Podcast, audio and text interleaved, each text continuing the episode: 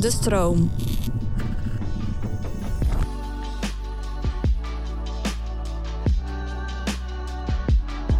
Hallo alle luisteraars en BookTok-fanaten. Ik had het vorige week met mijn beste vriendin over de zomervakantieplannen.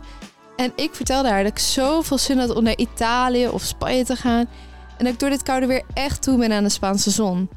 Toen vertelde ze dat ik dan echt het boek The Spanish Love Deception eens moest lezen. Dus jullie raden nooit welk boek ik vandaag ga bespreken. The Spanish Love Deception, of in Nederlands de Spaanse liefdesleugen, is geschreven door Elena Armas en is uitgekomen in 2021.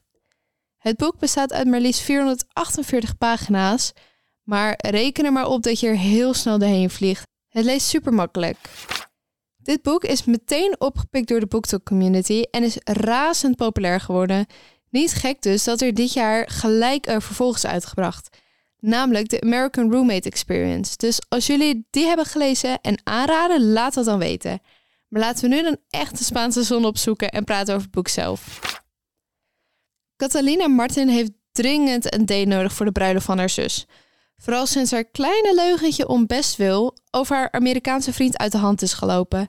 Iedereen denkt dat ze een Amerikaanse vriend heeft, die dus ook naar de bruiloft zou moeten komen. Iedereen die ze kent, inclusief haar ex, willen hem graag ontmoeten. Ze heeft maar vier weken de tijd om iemand te vinden die bereid is om de Atlantische Oceaan over te steken en te helpen bij haar bedrog.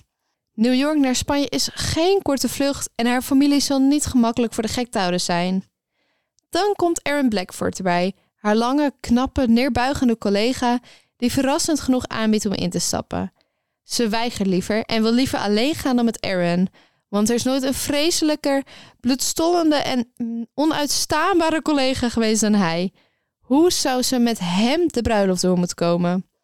Maar Catalina is wanhopig en naarmate de bruiloft dichterbij komt, lijkt Erin misschien toch wel haar beste optie.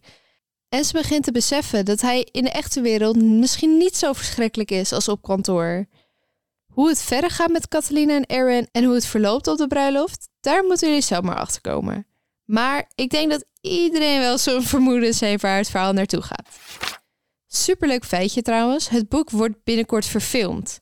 In augustus is bekendgemaakt dat de regisseur van The Hating Game, de zaakjes ook een verfilmd boekdokboek, deze film gaat produceren.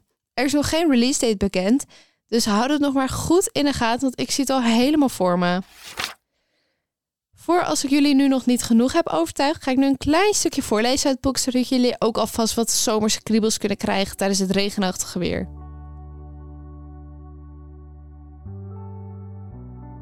Wat is er zo grappig? Zijn stem daalde en werd kouder. Ik ben volkomen serieus. Ik hield weer lach in. Ik geloofde dat niet, geen seconde. De kans dat hij, zei ik tegen Rosie, echt serieus is, is dezelfde kans die ik heb om Chris Evans uit het niets te laten opduigen en zijn eeuwige liefde voor mij te bekennen. Ik maakte een show van links en rechts kijken. Niet bestaand dus. Rosie, je zei iets over meneer Frenkel, toch? Er was geen meneer Frenkel. Lina, zei Rosie met die valse, brede glimlach waarvan ik wist dat ze die droeg als ze niet onbeleefd wilde zijn. Hij ziet eruit alsof hij serieus is, sprak ze door haar rare glimlach heen. Haar blik bekeek de man die achter me stond. Ja, ik denk dat hij serieus is. Nee, hij kan het niet zijn. Ik schudde mijn hoofd en weigerde nog steeds om te draaien te erkennen dat er mogelijk was dat mijn vriendin gelijk had. Dat kon niet. Het was onmogelijk dat Aaron Blackford, collega en gevestigde kwaal van mij, zelfs maar zou proberen zoiets aan te bieden. Echt niet. Een ongeduldige zucht kwam van achter. Dit begint zich te herhalen, Catalina. Een lange pauze. Toen verliet nog een luidruchtige uitademing zijn lippen. Deze veel langer. Maar ik draaide me niet om. Ik hield mijn grond vast. Als je me negeert, zou ik niet verdwijnen. Dat weet je. Maar dat betekent niet dat ik het niet blijf proberen, mompelde ik binnensmonds. Rosie wierp me een blik toe.